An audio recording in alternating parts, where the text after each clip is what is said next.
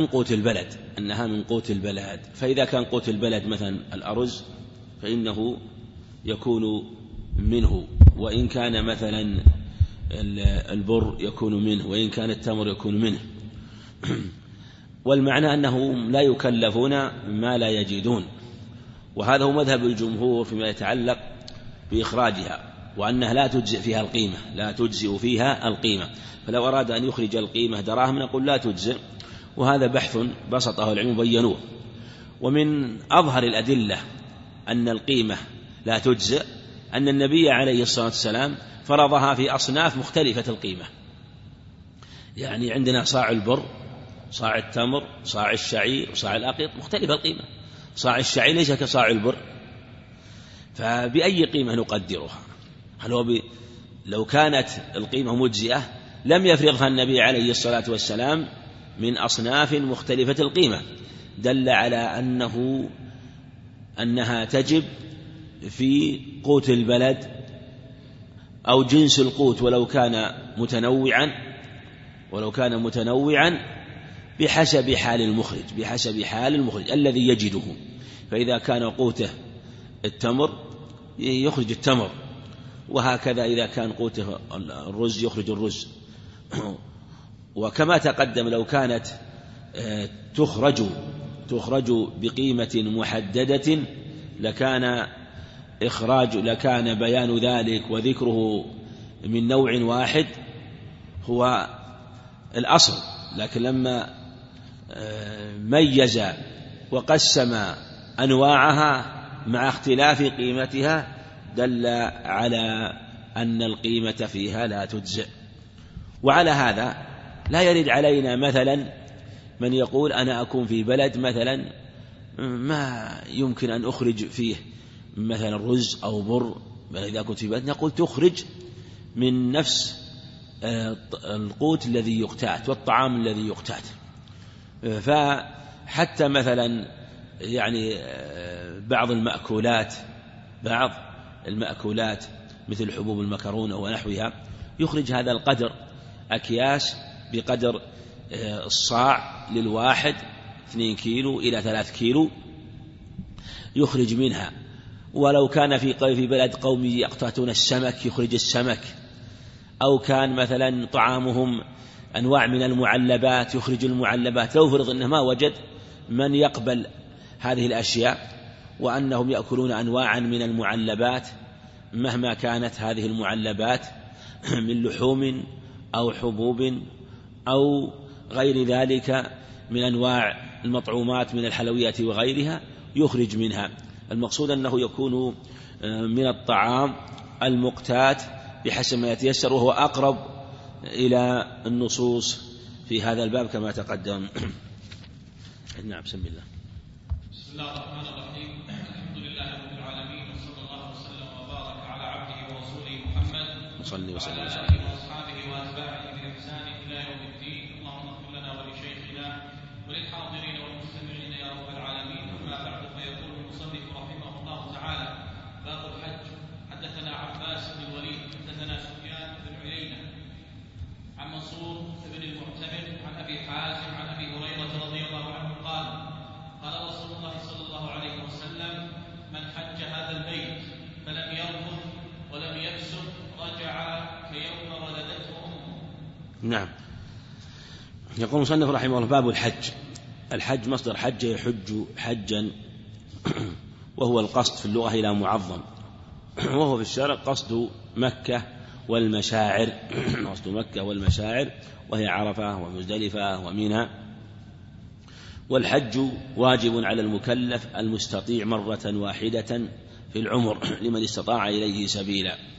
حدثنا عباس بن هذا هو النرس يتقدم. حدثنا سفيان بن عيينة بن أبي عمران الهلاية في سنة سبع وتسعين ومئة عن منصور بن المعتمر هذا هو بن عبد الله السلمي أبو عتاب آه، ثقة ثابت رحمه الله من رجال الجماعة. عن أبي حازم هو سلمان هو أبي حازم هو سلمان وفيه أبو حازم آخر اسمه سلمة بن دينار.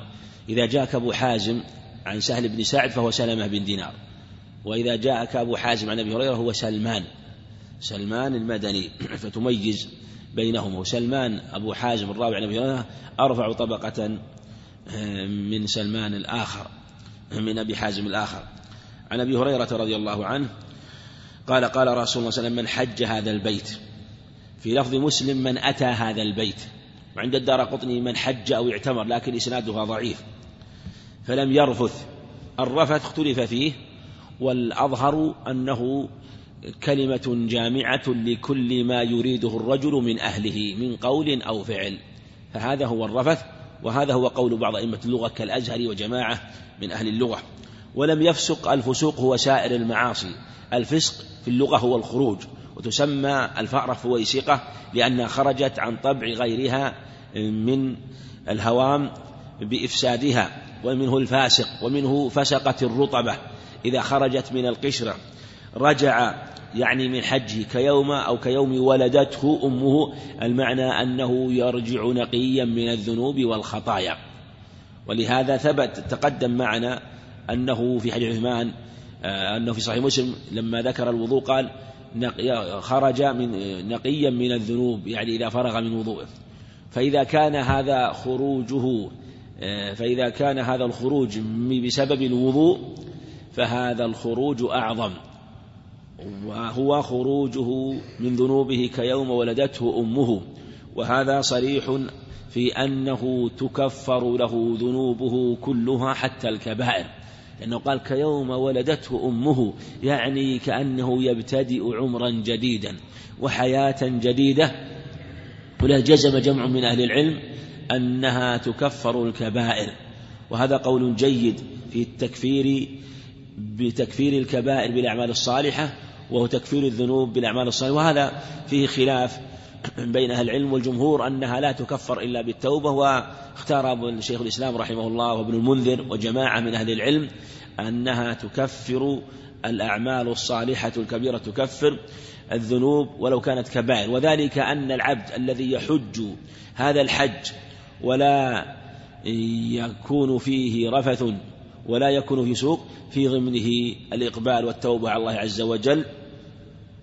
ولهذا جاء في الحديث الآخر تابعوا بين الحج والعمرة فإنهما ينفيان الفقر والذنوب كما ينفي الكير خبث الحديد والذهب. وهو حديث صحيح من حديث ابن عمر من حديث عمر الخطاب وابن مسعود وعقب بن عامر. كما ينفي الكير خبث الحديد والذهب والفضة. رجع من ذنوبه كيوم ولدته أمه. كما تقدم إنه نقي بعمر جديد وهذا فضل عظيم. وثبت في الصحيحين العمرة العمرة كفارة لما بينهما والحج المبرور ليس له جزاء إلا الجنة. المعنى فيما يظهر أنه قال إذا نفي ليس له قدم الجار والمجرور جزاء وأخر الاسم. هنا جزاء إلا الجنة فهذا مؤذن بالاختصاص وأن جزاءه الجنة.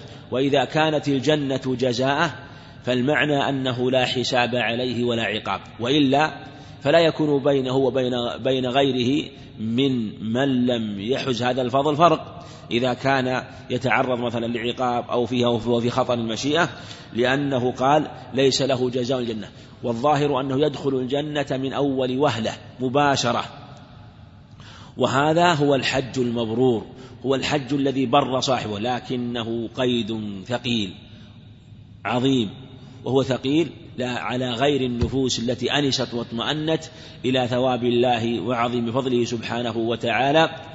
وذلك أنه قال من والحج المبر والبر من بر يبر برا وهو الاتساع في عمل الخير. ومنه سمي البر برا لاتساعه ومنه ما سمي بر الوالدين برا لأنه يجتهد في بذل النصح لهما والإحسان إليهما بسائر أنواع الخير وهذا هو البر وهو الاتساع في عمل الخير. فالمعنى بر حجه فاجتهد في الأعمال الصالحة أولا بأداء ما فرض الله عليه في هذا الحج كما أمر الله سبحانه وتعالى وازداد من الأعمال الصالحة من الدعوة إلى الله وذكر الله عز وجل والأمر بالمعروف والنهي عن المنكر وبذل السلام وحسن الخلق والبشاشة والنفع وما أشبه ذلك من أعمال البر والخير التي ترفع صاحبها إلى هذه الدرجات. نعم. قال رحمه الله حدثنا سويد بن سعيد حدثنا علي بن مسر بن ابي ليلى عن عبد الله بن ابي مليكه عن عبد الله بن عمرو قال قال رسول الله صلى الله عليه وسلم.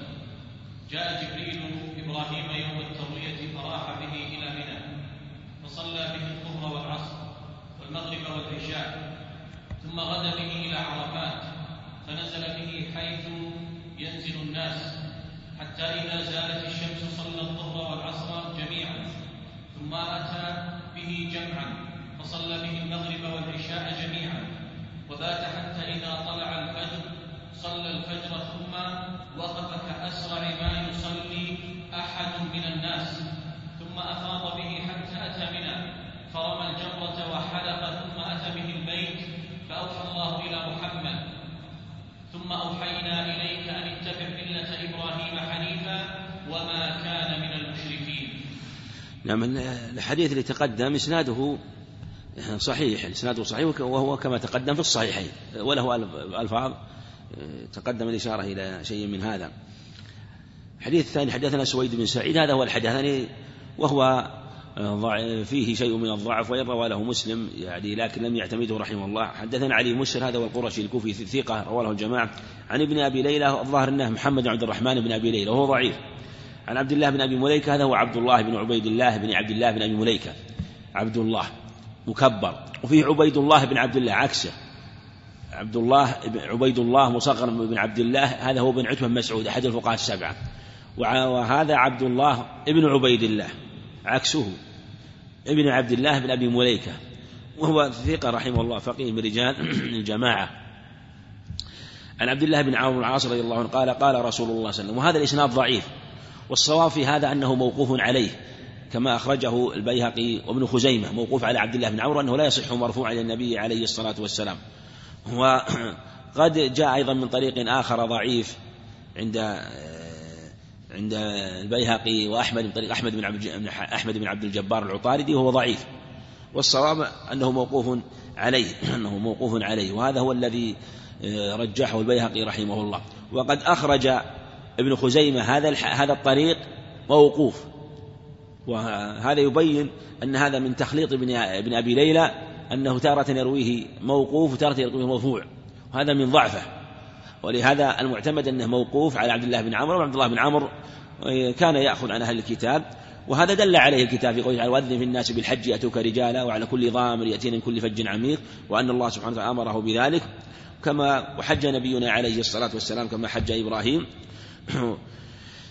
وفيه أنه جاءه إبراهيم جاء جبريل إبراهيم عليه الصلاة والسلام يوم التروية اليوم الثامن فراح به من منى فصلى به فراح به إلى منى وهذا المبيت عند جماهير أهل العلم هو سنة حكى الاتفاق عليه ابن المنذر وجماعة من العلم وروي عن عائشة أنها لم تبت تلك الليلة في ليلة منى لكن الحج يبدأ من يوم عرفة عند جماهير أهل العلم. صلى بها الظهر والعصر والمغرب والعشاء. يعني صلى بها الظهر والعصر والمغرب والعشاء. والنبي عليه الصلاة والسلام صلى الفجر صلى خمسة فروض بها. يحتمل أن سقط منه ويحتمل أن هذا كما قال عبد الله بن عمرو. ثم غدا به إلى عرفات إلى عرفات من اليوم التاسع. والنبي عليه الصلاة والسلام غدا من غدا إلى عرفات لما طلعت الشمس. وجاء في الرواية الأخرى أنه آه، يعني كان يوم التروية في في الأبطح ثم غدا إلى منى آه، لما زالت الشمس أو ارتفع النهار صلى بها الظهر والعصر والمغرب والعشاء ثم لما كان من الغد وطلعت الشمس توجه إلى عرفات. وهنا غدا به غدا بإبراهيم غدا جبريل بإبراهيم عليه الصلاة والسلام إلى عرفات فنزل بها حيث ينزل الناس يعني في عرفات.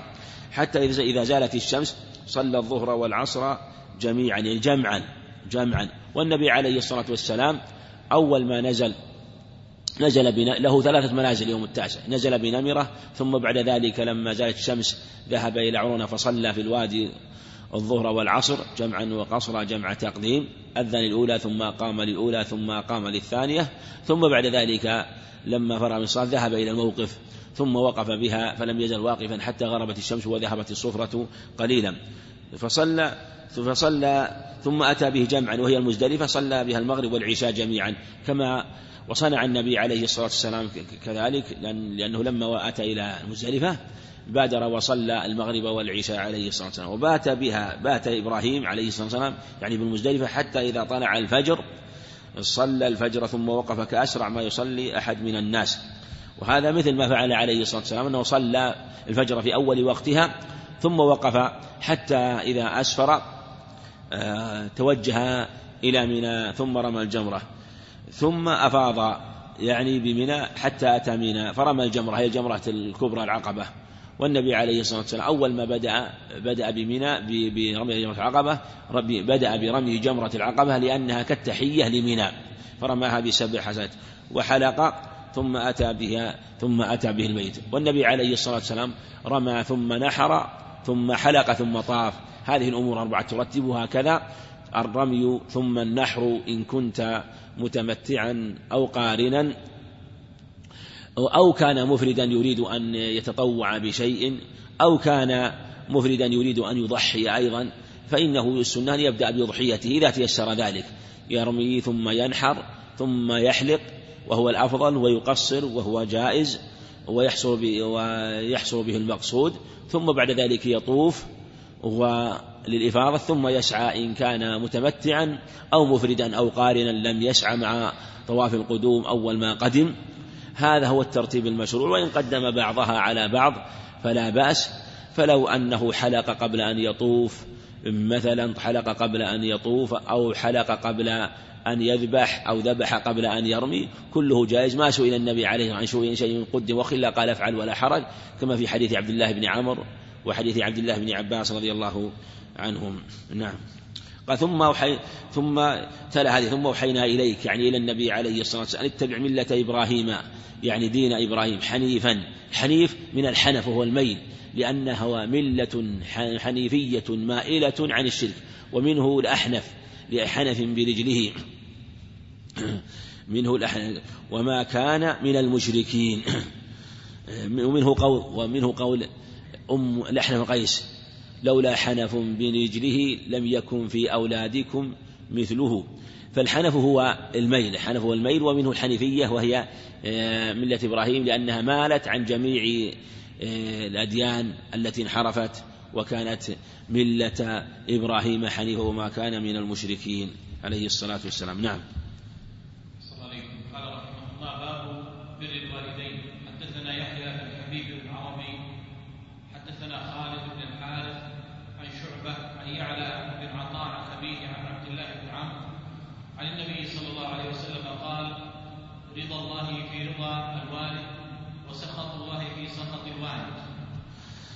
نعم. وهذا نعم يقول المصنف رحمه الله حدثنا يحيى بن حبيب. هذا هو البصري وهو ثقة رواه مسلم والأربعة. ونعم حدثنا خالد بن الحارث. هذا آه، وهو الهجيمي وهو ثقة أيضا من رجال الجماعة. عن شعبة بن الحجاج تقدم وهو ثقة إمام رحمه عن يعلى بن عطاء هذا العامري الطائفي رواه مسلم والأربعة وهو رحمه الله ثقة. عن أبيه هو عطاء العامري وهو مقبول. عن عبد الله بن عمرو العاص رضي الله عنهما الصحابي الجليل عن النبي صلى الله عليه وسلم قال رضا الله في رضا الوالد وسخط الله وسخط الله في سخط الوالد. وهذا الحديث بعد السند فيه لين وقد آه، جاء له شاهد من حديث آه، عند البزار لكنه بإسناد لا يثبت بإسناد لا يثبت بل فيه سند رجل متروك من حديث عبد الله بن عمر من طريق رجل قال عصمة بن محمد بهذا بلفظه وعلى هذا لا يستشهد به. الحديث الذي في سنده متروك لا يستشهد إنما يستشهد بمن كان ضعفه يسيرا. يعني كان ضعفه يسيرا. وقد جاء له شاهد آخر جاء له شاهد آخر طاعة الله طاعة الوالد ومعصية الله معصية الوالد وسنده مقارب من حديث أبي هريرة فهو يكون من باب الحسن لغيره وسبب الحسن لغيره مؤيد لهذا الطريق اللي هو آه، وهذا يشهد له رواية أنه طاعة طاعة الوالد ومعصية ومعصية الوالد وهو من رواية أبي هريرة عند الطبراني. رضا الله رضا الله. ورضا الله عز وجل آه، هو غاية المطلوب. والله سبحانه وتعالى لا يرضى إلا الخير. رضا الله أضاف الرضا إلى الله. يعني جميع ما يرضيه سبحانه وتعالى هو ما يكون في رضا الوالد. لكن هذا مقيد بما كان في طاعة الله فلا طاعة المخلوق في معصية الخالق.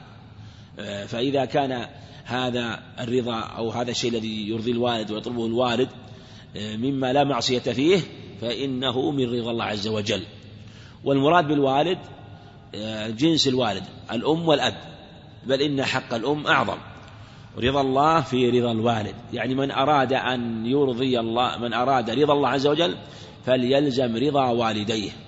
لزم رضا والديه وقد روى الترمذي بسند جيد برواية سفيان عن عطاء بن السائب برواية أبي الدرداء آه، رضي الله عنه أن رجلا جاء إلى أبي الدرداء فقال إني آه، إني إن أمي تأمرني بأن أطلق زوجتي.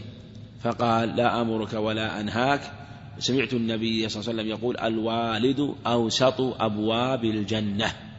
قال إن لي زوجة وأنا أحبها وإن أمي تأمر طلاقها. قال لا أمرك ولا أنهاك سمعت رسول الله صلى الله عليه وسلم يقول الوالد أوسط أبواب الجنة فإن شئت فاحفظ ذلك الباب أو أضعه.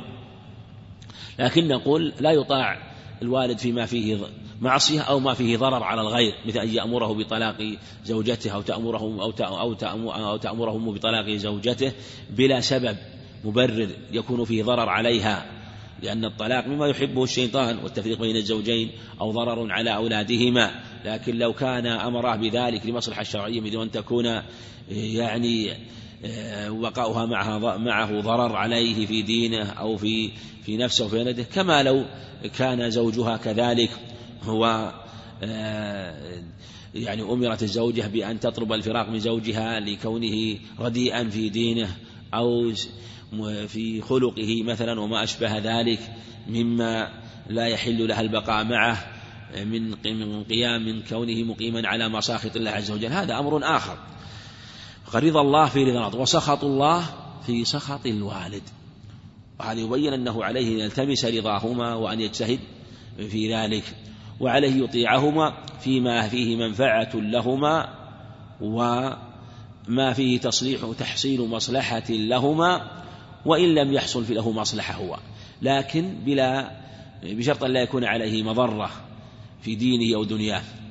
فإذا كان أمر فيه مصلحة لهما فعليه يطيعهما ولا ضرر عليه في ذلك. أما إذا ترتب عليه ضرر في ولده تعدي فإن الضرر يزال نعم قال رحمه الله حدثنا شيبان ابن ابي شيبه حدثنا عبد العزيز بن مسلم حدثنا ابو اسحاق عن ابي الاحوص عن عبد الله قال قلت يا رسول الله أي الأعمال أحب إلى الله؟ قال الصلاة بمواقيتها. قال قلت ثم أين؟ قال قال ثم بر الوالدين. قال قلت ثم أين؟ قال ثم الجهاد ولو استزدته لزادني.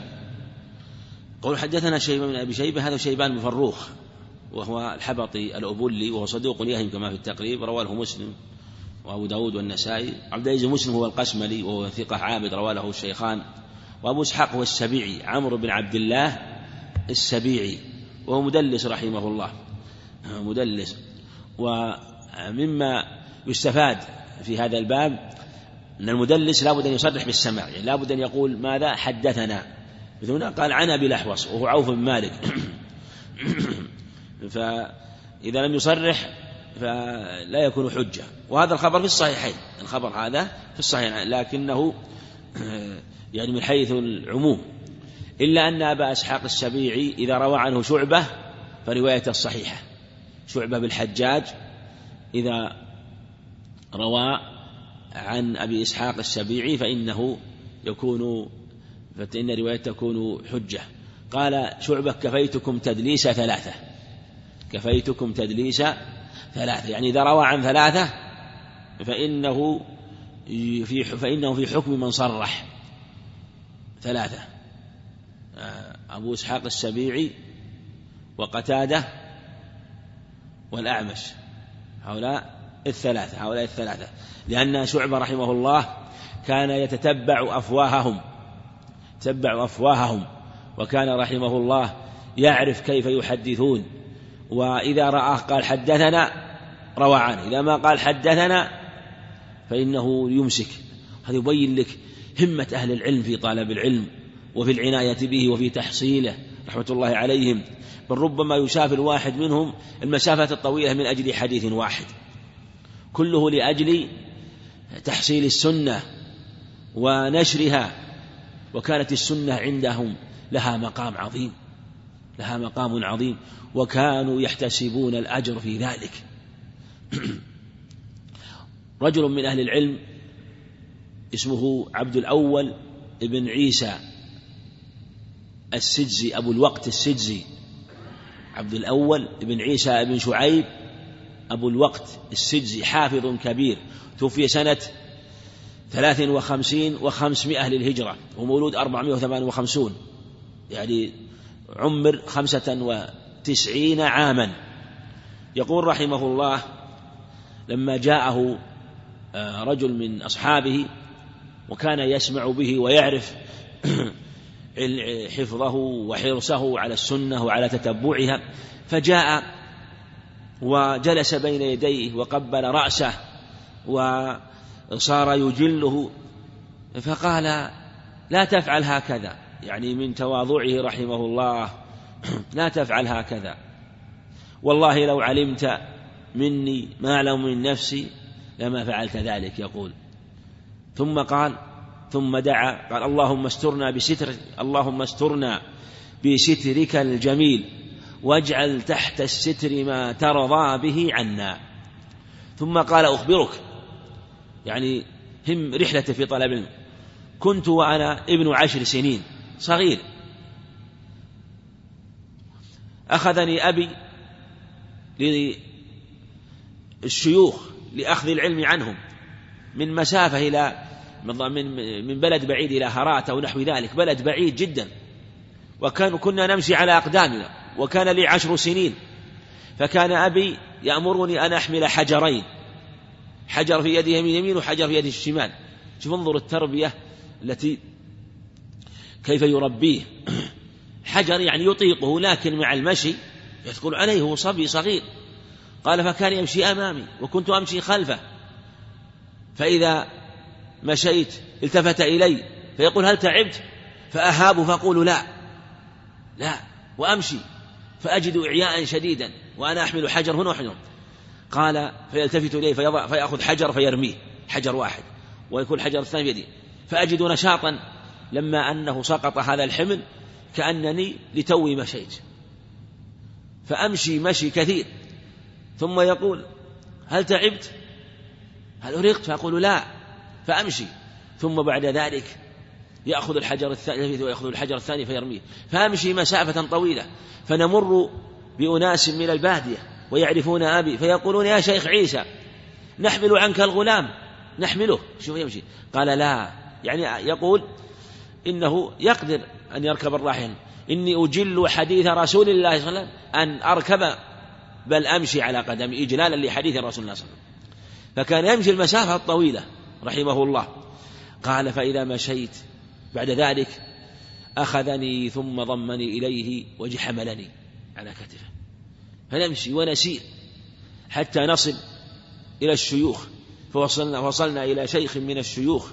فأخذنا عنه الحديث وروى عنه صحيح البخاري فمكثنا عنده ثم عن شيخ آخر ثم قال إن جميع أقراني الذين سمعوا منه صحيح البخاري قد ماتوا ولم يبق منهم إلا أنا. فصرت أسمع صحيح البخاري وألحقت الأحفاد بالأجداد يقول رحمه الله فأصبحت أنا وأناس معي ممن طلب هكذا أصبح وحيد عصره وقريع دهره. رحمه الله. فكانوا لهم جد وهمة في طلب العلم. من ذلك ما وقع ليعقوب بن سفيان رحمه الله شيخ الحسن بن سفيان وهو نسوي رحمه الله أيضا. توفي سنة سبع وسبعين ومائتين إمام حافظ كبير له كتاب اسمه المعرفة والتاريخ. وفيه أنه وقع له من ذلك وفي طلب العلم ذهب إلى بلاد من مصر أو غيرها لطلب العلم. بعيدة وهو شاب صغير. فجاء إلى بلد تعلم الإنسان يكون مع نفقة يسيرة. قال فنفدت نفقتي. فلزمت داري وأنا أدور في النهار على الشيوخ وعنده النفقة اليسيرة جدا. في النهار يدور على الشيوخ ويكتب ويسمع الحديث يسمع الحديث. فإذا رجع إلى مكانه في الليل تكون الأجزاء بين يديه وعنده سراج ينضنض ضوءه ضعيف يكتب عليه وعنده الدواءات والحبر ويكتب. مع ضعف الضوء ودقة الحروف ومداومة النظر وجميع النهار يشتغل ويسمع ويقرأ فيصيبه إرهاق شديد. قال فبين أنا في ليلة من الليالي أديم النظر والكتابة مما أسمعه. فأصابه إرهاق شديد حق قال فخرج الماء من عيني. قال فلم أبصر شيئا. يعني كف بصره. قال فأصابني حزن شديد وأنا غريب من بلاد بعيدة ولا أدري كيف أفعل. قال فندمت ولا أدري. فأتني ما يفوتني من حفظ سنة رسول الله صلى الله عليه وسلم ومن كتابتها وأيضا من الرجوع إلى بلده. قال فمع شدة الحزن وضعت رأسي بين ركبتي فغلبني النوم غلبته عيناه. فبينما هو كذلك إذ رأى النبي عليه الصلاة والسلام. فقال له ما الذي يحزنك يا يعقوب؟ ما الذي يحزنك ما شأنك؟ قال قلت يا رسول الله جئت من بلاد بعيدة لأكتب سنتك. وقد ذهب بصري. وقد حزنت على فوات كتابة سنتك وعلى شدة الرجوع إلى أهلي. قال فقال لي النبي عليه أدنوا أدنوا مني يا يعقوب أدنوا مني. قال فدنوت منه وكأنه أخذ شيئا بيده ونفث فيه ثم أمر يديه الكريمتين على عيني عليه الصلاة والسلام. ثم بعد ذلك استيقظت وأنا أبصر السراج وأبصر الأوراق وعدت وعدت لكتابة كما كنت رحمة الله عليهم. فكان له همة وجد ونشاط في طلب العلم ولهذا حفظ الله بهم السنة. انظر إلى هذا الجزء اليسير. جزء يسير أربعين حديث أربعين حديث. صاحبه وفاته له ما يقارب ألف ومائتين سنة. فببذل إخلاص النية والصدق يقرأ بعد هذه السنوات الطويلة ويرجى أن يكون في صحيفة صاحب هذا هذا الإمام. وقد قرأه للعلم منذ عصر المؤلف ورووه وحفظوه وحفظوا غيره وهكذا سائر المصنفات رحمة الله عليهم. وغفر لهم وجزاهم خير الجزاء على ما قدموا. عن عبد الله ما هو ابن مسعود رضي الله عنه قال قلت يا رسول الله أي الأعمال أحب إلى الله؟ يعني من جميع الأعمال. وهكذا كان الصحابة رضي الله عنهم. إذا سألوا النبي عليه الصلاة والسلام لم يكونوا يسألونه الدنيا والمال؟ وإن كان هذا ليس فيه شيء لكنهم كانت همتهم عالية. كانوا يسألون ما فيه النجاة كانوا يسألون ما فيه الظفر والفوز. كما في قصة ربيعة بن كعب الأسلمي في صحيح مسلم وكان يخدم النبي عليه الصلاة والسلام وكان شاب. والشاب تعرف أنه ربما يخجل ويستحي في بعض حاجاته ويريد الزواج. كان النبي عليه عليه الصلاة والسلام يقول يراه يخدم فيقول يا ربيعة سلني حاجتك سلني حاجتك. فيقول ربيعة شاب. وكان يبيت الهوي من الليل يجلس عند عتبة غرفة النبي عليه السلام جالس مستند لا ينام. ينتظر أي إشارة أو حركة من النبي عليه السلام. يخرج يحضر له الماء أو ربما صلى فيكون معه قريبا منه أو ما أشبه ذلك. فأقول أسألك مرافقتك في الجنة. فقال وغير ذلك؟ قلت هو ذاك. فسألك. ويقول ثم قال سلني فيقول أسألك مرافقة الجنة. ثم قال عليه الصلاة والسلام فأعني على نفسك بكثرة السجود. وله قد رواه الإمام أحمد مطولة قصة جميلة مطولة لا يمكن بسطها الآن في هذا الحديث. وكيف كان منه ثم كيف كان زواجه رضي الله عنه قصة زواجه قصة ممتعة في سؤال النبي له وفي جوابه رضي الله عنه. فالشأن كانوا يسألون عما ينفعهم. أي الأعمال أحب إلى الله؟ يعني الأعمال الصالحة كلها يحبها الله لكن ما هو أحب؟ ولهذا يقول الله عز وجل وما تقرب إلي عبدي بأحب إلي مما افترضت عليه. بأحب مما افترضت عليه. قال الصلاة لمواقيتها. في لفظ الصحيحين الصلاة على وقته. في لفظ في الصحيح الصلاة لوقتها. عند ابن خزيمة وابن حبان الصلاة على أول وقتها.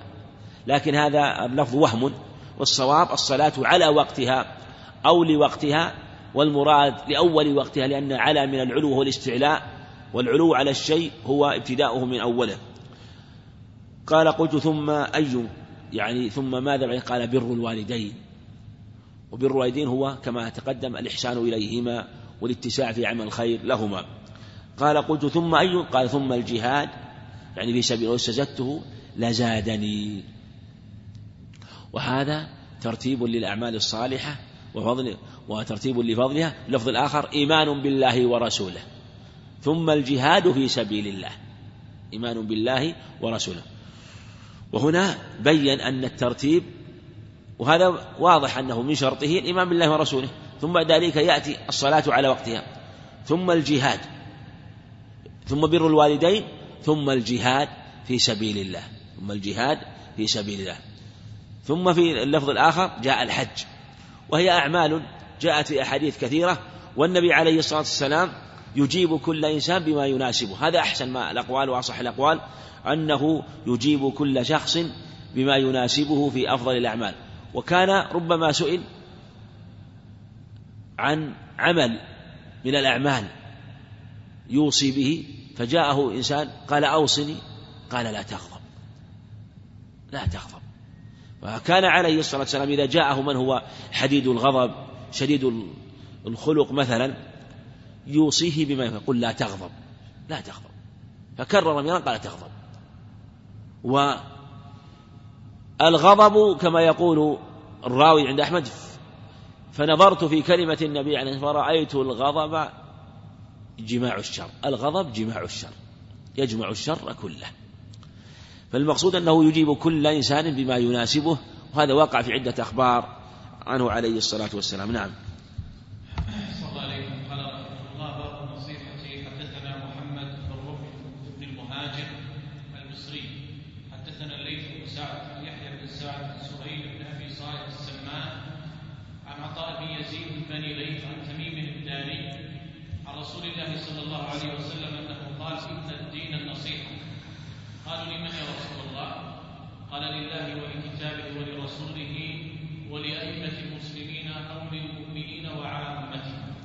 قوله حدثنا محمد بن هذا هو ابن المهاجر وهو ثقة ثابت رواه مسلم.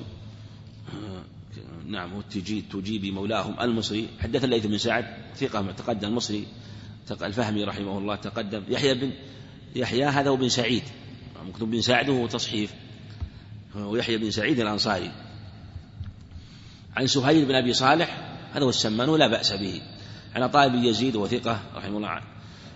من رجال الشيخين. عن تميم الداري الصحابي المشهور وهو من مناقبه أن النبي عليه الصلاة والسلام روى عنه حديث الجساس وهو من رواية الأكابر عن الأصاغر. عن رسول الله صلى الله عليه وسلم قال إن الدين النصيحة. اللفظ الآخر عند أبي داود كررها الدين النصيحة. الدين النصيحة الدين النصيحة. قال لمن يا رسول قال لله الكتاب لرسول الأئمة المسلمين وعامته وقد رواه أحمد الترمذي حديث هريرة جاء من حديث ابن عباس عند أحمد. وضعف البخاري جميع الروايات وقال لا يثبت إلا حديث تميم. وبالجملة حديث تميم هو أصحها وعلى طريقة بعض أهل العلم يقولون إن حديث أبي هريرة حديث جيد والأصل عدم الوهم ومنهم من قال إنها رواية من حديث أبي هريرة وهم وذكروا العلة والسبب في ذلك. إن الدين أو الدين النصيحة. الدين من الدينونة ومنه دان يدين إذا ذل وذلك أن العبد يدين لله عز وجل ويخضع. والدين هو هو الإسلام والإيمان والإحسان. كما تقدم حديث جبرائيل هذا جاءكم يعلمكم أمر دينكم. هنا قال الدين النصيحة. فتبين أن النصيحة أن من نصح هذه النصيحة لأئمة المسلم لله ولرسوله ولكتابه ولأئمة المسلمين عامتهم هذا جمع الدين كله بلا شك. تحلى بخصال الإسلام والإيمان والإحسان. والنصيحة هي الإخلاص. ومنه الناصح والنصاح وهو الخي... الناصح هو الخياط والنصاح هو الخيط. والمنصحة هي الإبرة لأنك تخيط بها. ولهذا المنصحة يكون مع النصاح وهي الخيط ويكون الناصح وهو الخياط الإبرة والخيط والخائط والثوب يخيط الثوب فيجمع شمله ويرفو فتقه فيصلح الثوب ويذهب ما فيه من الشقوق والفتوق والخروق. وهذا هكذا المسلم يجمع شمل أخيه ويرفو ما فيه من النقص وينصح له. فهذا من باب التمثيل الحسي للأمر المعنوي في النصح لأخيك وهو أنك تحوطه تكون له كالمرآة. كما روى أبو داود المؤمن للمؤمن كالمرآة. يحوط يحفظ عليه ضيعته ويحوطه من ورائه. يعني يرى في أخيه المسلم الصفات المعنوية التي تفوته فينصح له. والمؤمن ناصح والدين النصيحة. وإذا استنصحك أخوك فانصح له. والنصيحة بين أهل الإسلام واجبة. وإذا كان المسلم ينصح عموما وخصوصا فقد خلص قلبه. ولهذا لا يغل عليها قلب المؤمن. ولا يشتمل على غل وعلى حقد. لا يغل ثلاث لا يغل لا يغل عليهن قلب امرئ مسلم. ومنها أنه ينصح لعموم المسلمين فلا يكون في قلبه حقد ولا غش. ومن ذلك تلك القصة التي رواها أحمد بسند صحيح حديث أنس رضي الله عنه قصة محصلها أنه عليه الصلاة والسلام قال يا أصحابي يطلع عليكم رجل من أهل الجنة. رجل من الجنة يطلع الآن. خبر من النبي وخبر صادق صلوات الله وسلامه عليه. فخرج رجل من الأنصار تقطر لحيته ماء.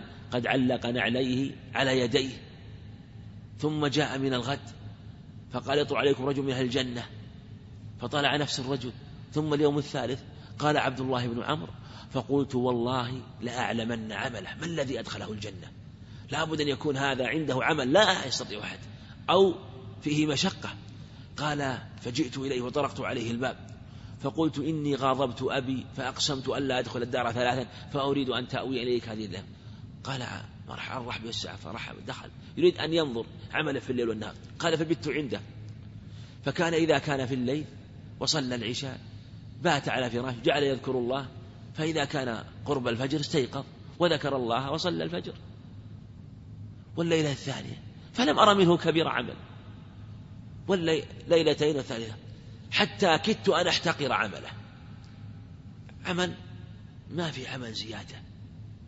فلما كان اليوم الثالث ذهبت ثم قلت والله لم يكن بيني وبين أبي شيء لكن رسول الله قال كذا وكذا فأردت أن أعرف عملك فهل من عمل تخفيه عنا؟ قال والله ما هو إلا ما رأيت ما عندي شيء.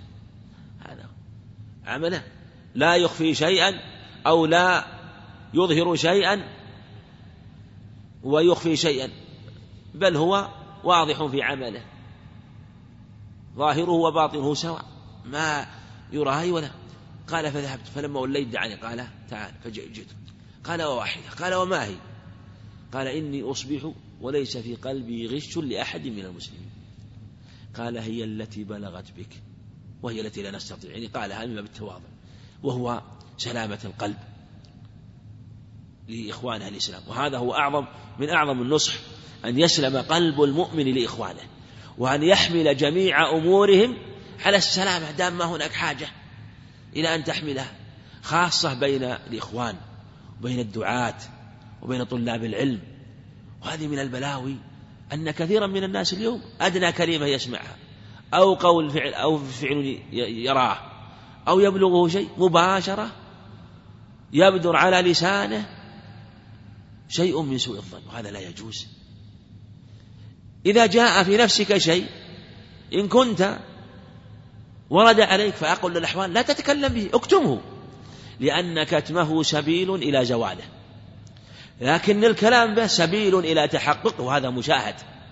ما تكلم إنسان بشيء من سوء الظن أو بشيء مما يشعر بذلك إلا تقرر في نفسه ولو لم يكن حقا. ثم اعلم أن الذي تقوله أنت بقولك أو تفعله من فعلك ربما إخوانك أيضا يقع في نفوسهم مثل ما وقع في نفسك لأن الجفوة متبادلة والجفوة تدرك تدركها النفوس وتعرفها فالإنسان عليه يكون طيب النفس طيب حتى ولو كان أخوك الذي بدر منه بدر هو بالفعل مثل ما ظننت. هو بالفعل مثل ما وقع في نفسك. ما الذي يدعوك إلى أن تسيء الظن؟ ألست تريد الله والدار الآخرة؟ ألست في حركاتك وسكناتك تريد الجنة وتسأل الله النجاة من النجاة منه ألست تريد ذلك؟ ما الذي يدعوك إلى مثل ذلك؟ أنت لست طالب دنيا لست تاجر دنيا أنت تاجر آخرة. تاجر آخرة يترفع عن هذه الأمور ولا ينظر إليها. بل إن إخوانه مهما عملوا يحمل أمورهم على الخير. في الأثر الذي ذكره عبد البر وغيره عن عمر رضي الله عنه أنه قال لا يحل لمسلم يبلغه عن أخيه المسلم كلمة يجد لها على الخير محملا أن يحملها على خيره ولو واحد في المئة. ما دام أنه ما في مفسدة. ما هناك ليس هذا الذي وقع منه من أهل الشر من أهل السوء من أهل البدعة من أهل الضلالة. بل أخوك المسلم خالفك في رأي خالفك في طريقة في ترتيب في أمر من الأمور. كلكم قصدكم واحد ودعوتكم واحدة وعقيدتكم واحدة. كونك يحصل بينك وبين خلاف من الذي يدعوك إلى مثل ذلك؟ ثم أعلم أن مثل هذا الظن أو الكلام به ماذا يؤول؟ يؤول إلى الاختلاف وما دام يؤول إلى الاختلاف فاعلم أنه ليس من الدين وليس من الحق وليس من الخير. أبدا. ما دام أنه يؤول كل شيء مما يقصد به وجهه سبحانه وتعالى فتختلف أنت وأخوك وتعلم أنه مخلص ومحق وأنت تعلم ذلك من نفسك فتخالفه على ذلك فإن ما فإن فعلك وفعله ليس من الدين في شيء. وليس من طريق الحق والخير. بل الواجب عليك أن تتغاضى وأن تترفع من هذه الأمور وأن تدعو له في ظهر الغيب وأن تحمله على أحسن المحامل. تقول جزاه الله خير. وأنا أقول إنك إننا لو عملنا هذا وكلنا مقصر وكلنا معثر في مثل هذا لو عملنا مثل هذا فإن لنا رسل من الخير ومن الملائكة والنفوس والأرواح تلتقي فإنه يقع في نفسها النفوس الطيبة تدرك هذا. وببركة حسن الظن وبركة إرادة الخير لا يكون للشيطان وسوسة لأخيك أبدا. لكن حينما أنت توسوس لك نفسك وذاك توسوس نفسه تلتقي الشياطين. ويوسوس بعضها إلى بعض وتنقل هذا الحديث منك إلى ذاك الشيطان وذا الشيطان إلى الشيطان فتحمل هذه الوسوسة من هذا إلى هذا ثم وهذا يبين لك شدة الوحشة بين أخوين مع أنه لم يحصل بينهم نفرة من القول. مجرد تصرف بسيط. ما الذي جعل الجوف تزيد؟ هو سوء الظن بسبب وساوس الشياطين التي تحمل الشر. وابن الشيطان يجري آدم مجرى الدم. فأقول إن إننا علينا أن نعمل بالعلم. ليس مجرد. تمر هذه الأحاديث. يعني مثل حديث دين النصيحة. كثير من طلاب يقرأ وكلنا نقرأه ونحفظه. ومع ذلك أين عن النصيحة أين عن نصح لإخواننا؟ بل الواحد منا ربما حدث به درسا كاملا لكنه ربما يكون بعيدا عن تطبيقه. يحدث به ويتكلم به والنصح لإخوانه وأخص ذلك الدعاة إلى الله وأخص من ذلك الذين يشاركوا الدعوة إلى الله. والواحد منا لو وقع هذا الخطأ من قريبه من أبيه من من قريبه من صديقه حمله على الخير. قل لا ما أراد قريبي كذا أبدا ما أراد ما أراد صديقي أبدا أنا أعرف صديقي. أعرف كذا. ما الذي جعلك تحمل هذا على هذا وهذا على غير ذلك؟ إلا أنها النفوس بحسب أهوائها وشهواتها. فالدين النصيحة. كله في النصيحة. وهو إخلاص الدين لله. ألا, ألا لله الدين الخالص. فاعبد الله مخلصا له, له الدين. وما أمروا إلا ليعبدوا الله مخلصين الدين. والخلوص هو سلامة الشيء. ومنه التلخيص. ومنه الملخص ومنه لخصت الشيء والخلاصة وخلاصة الشيء وهو صافيه وما يصفو منه وهكذا المسلم يكون صافيا خالصا لأخيه المسلم. والله إنه إذا صفى الأخ لأخيه وكل منهما للآخر اجتمع على الخير وأنس بذلك وطابت حياتهما وطابت دعوتهما وطابت أمورهما. في جميع أحوالهما ثم قال قالوا لمن يا رسول الله؟ قال لله. لله. بأن ينصح لله سبحانه وتعالى بالإيمان به وبأسماء وصفاته وحسن الظن به وحسن الاعتقاد وسؤاله ورجاء سبحانه وتعالى والتذلل له سبحانه وتعالى. وأعظم ذلك هو توحيده التوحيد الخالص. أن تخلص العبادة لله. هذا هو أعظم النصح. أن تخلص قلبك أن تحرر قلبك مما سوى الله سبحانه وتعالى. فاعبد الله مخلصا. ولرسوله بمتابعته عليه الصلاة والسلام ونصرة سنته وتعلمها والعمل بها والدفاع عنها ودراستها والذب عن حياضها وفضح من يريد سوءا أو شرا بنبينا عليه الصلاة والسلام. كل هذا من النصح لرسول عليه الصلاة والسلام والاجتهاد في معرفة سنته بأقواله وأفعاله والعمل بذلك والاقتداء به في جميع أحواله بقدر المستطاع ولكتابه بالإيمان به وأنه كلام الله عز وجل تكلم به جبرائيل تكلم به النبي عليه الصلاة والسلام وسمعه جبرائيل عليه الصلاة والسلام وسمعه نبينا عليه الصلاة والسلام منه وأنه كلام الحق تكلم الله به حقيقة. حروفه ومعانيه. وأنه كلامه سبحانه وتعالى المتلو وتؤمن بما فيه من الوعد والوعيد وتؤمن بما فيه من ذكر الجنة والنار وذكر الأمم السابقة وجميع ما جاء في كتاب الله عز وجل. وأنه حق. ولا تحملها على جفاء. ولا تحملها على غلو ولا تقصير بل تسلك بها الوسط في فهمها. وفي تدبر كتاب الله سبحانه وتعالى وفي تلاوته. هذا هو الإيمان بكتاب الله سبحانه وتعالى. وبه يقع في القلوب ويرسخ فيها. وإذا وقع في النفوس نفع. وإذا نفع شفع لصاحبه لكتابه ولرسوله ولأئمة المسلمين بالنصح لهم والدعاء لهم. وأن يسأل الله سبحانه وتعالى أن ينصرهم بالدين وأن ينصر الدين بهم.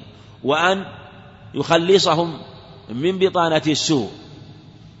ينصح لأئمة المسلمين وكذلك لعامتهم عموما. ينصح للمسلمين عموما بمحبتهم ومشاركتهم في جماعاتهم وفي جنائزهم وفي مجالسهم وفي إعانتهم بما تيسر من الشفاعة لهم والسلام عليهم وبذل النصح لهم وأمرهم بالمعروف ونهيهم عن المنكر وإعانتهم على حاجاتهم كلها صغيرها وكبيرها وأن لا يحقر شيئا من المعروف مما يعين به إخوانه المسلمين. هذا هو الواجب على المسلم في نصحه لإخوانه المسلمين. نعم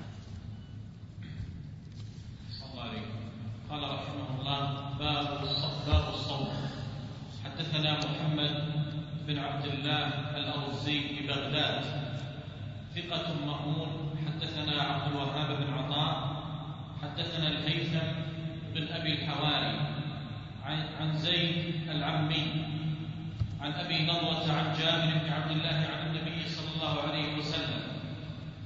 أعطيت أمتي في شهر رمضان خمسا لم يعطهن نبي قبلي. أما واحدة فإذا كان أول ليلة من شهر رمضان نظر, الله إليه ومن نظر الله إليه لم يعذبه أبدا. وأما الثانية فإنهم يمسون وخلوف أفواههم أطيب عند الله من ريح المسك وأما الثالثة فإن الملائكة تستغفر لهم في ليلهم ونهارهم وأما الرابعة فإن الله عز وجل يأمر جنته أن استعدي وتزيني لعبادي فيوشك أن يذهب عنهم نصب الدنيا وأذاها ويصيرون إلى جنتي وكرامتي.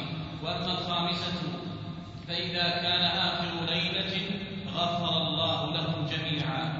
قال فقال قائل هي ليلة القدر يا رسول الله. قال ألم تر إلى العمال إذا فرغوا من أعمالهم وفوا.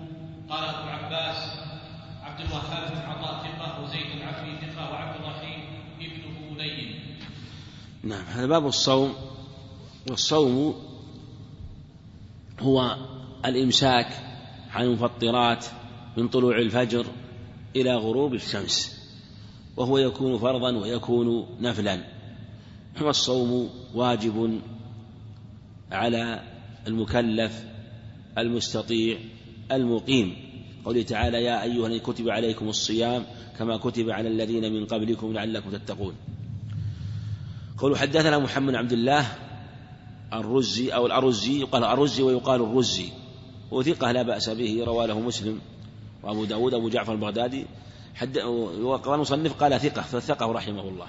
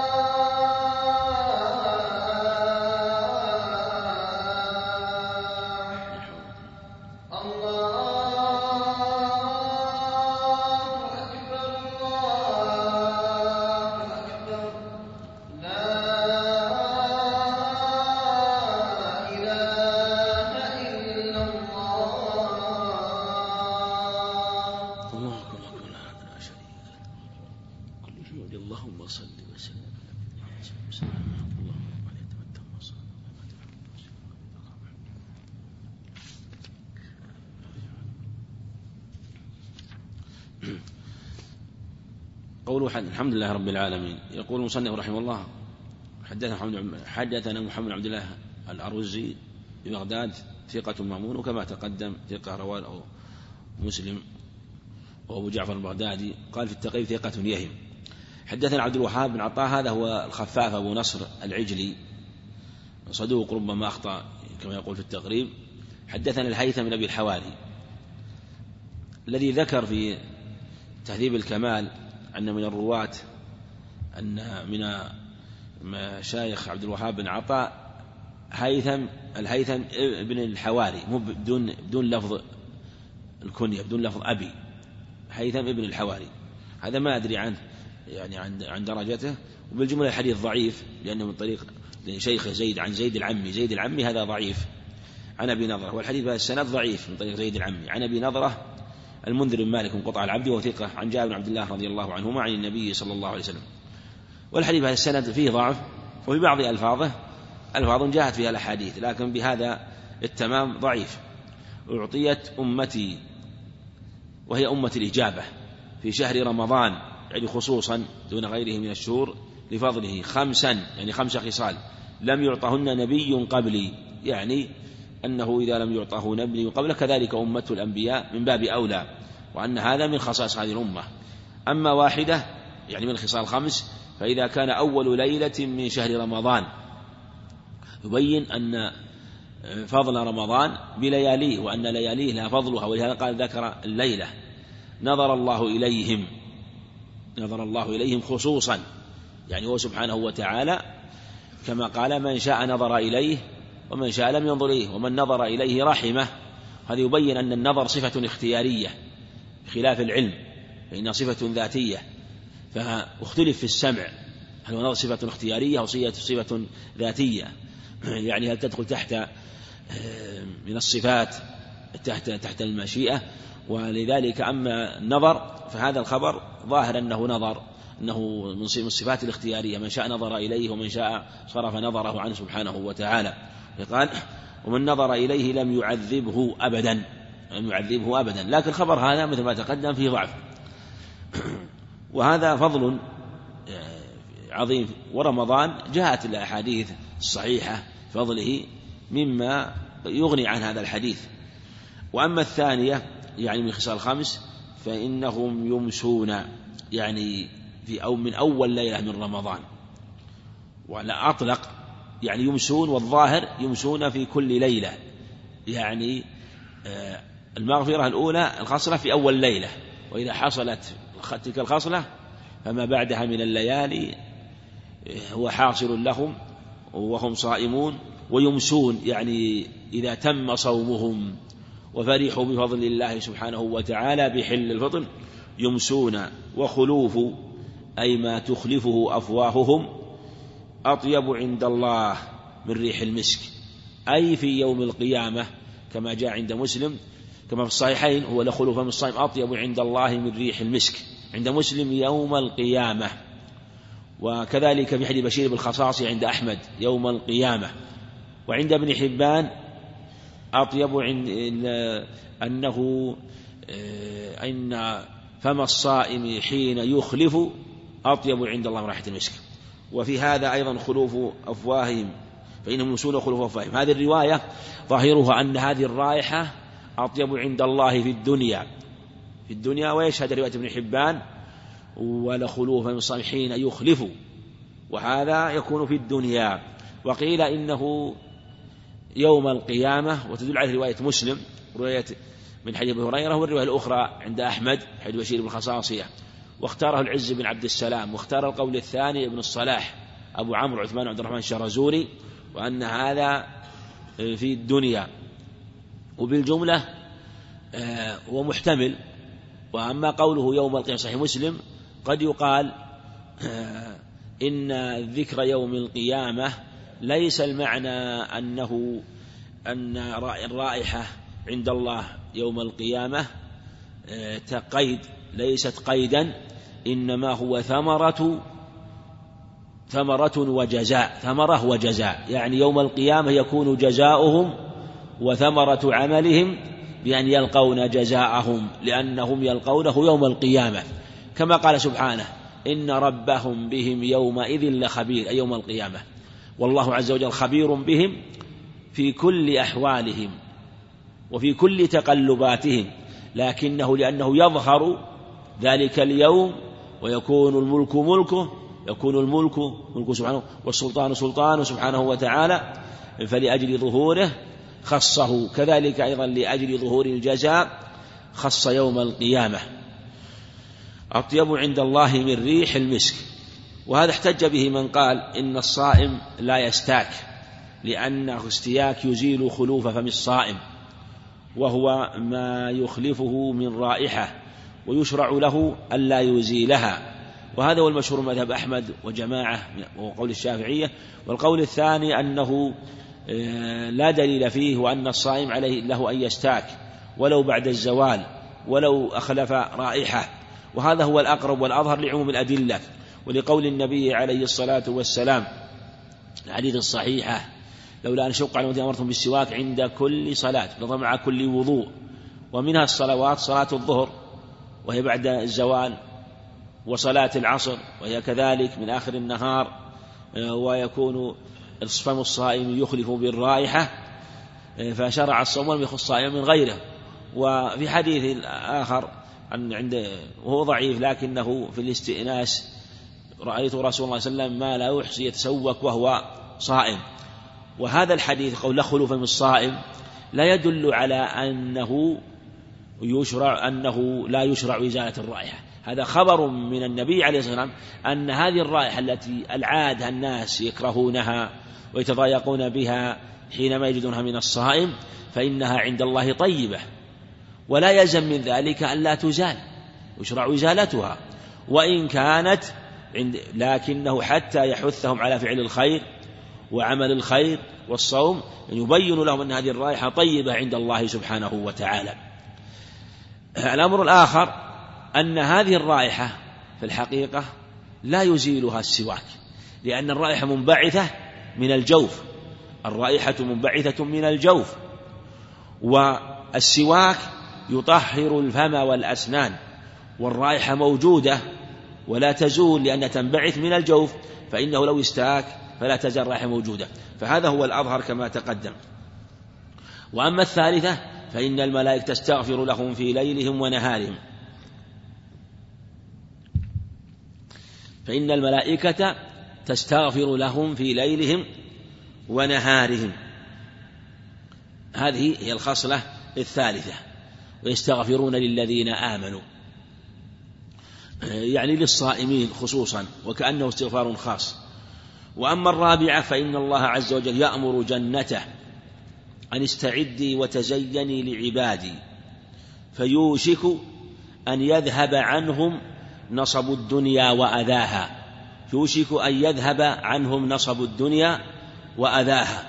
انتظر نكمل شوي. انتظر بارك الله فيك. يوشك أن يذهب عنهم نصب الدنيا وأذاها. ولهذا يأمر سبحانه جنته أن استعدي وتزيني لعبادي. فيوشك أن يذهب عنهم نصب الدنيا. يعني ويجدون جزاءهم عند الله عز وجل وأذاها ويصيرون إلى جنتي وكرامتي حتى يأخذوا جزاءهم. وأما الخامسة وهي الخصلة الأخيرة التي جاءت في الحديث فإذا كان آخر ليلة يعني من رمضان غفر الله لهم جميعا.